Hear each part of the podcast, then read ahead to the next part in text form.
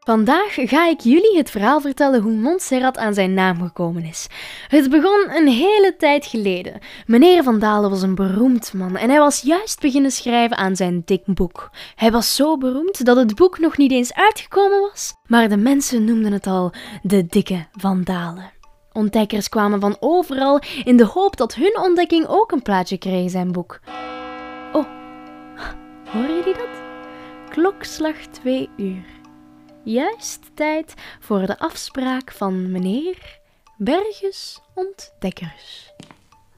Uh, goeiedag meneer Van Dalen. Ik heb een eh, prachtige berg ontdekt in het noorden van Spanje. De hele berg is bedekt in maki, ook wel mediterraanse struik genoemd. Ja, ja, dat weet ik wel, Pummel.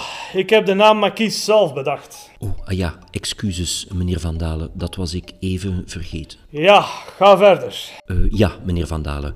Um, op de berg vind je dus veel vegetatie, maar ook veel dieren, zoals vleermuizen, wilde zwijnen en wilde geiten. Ja, en dan? Um, ah wel, uh, meneer Van Dalen, daarom dacht ik misschien als naam voor de berg vriend van plant en dier.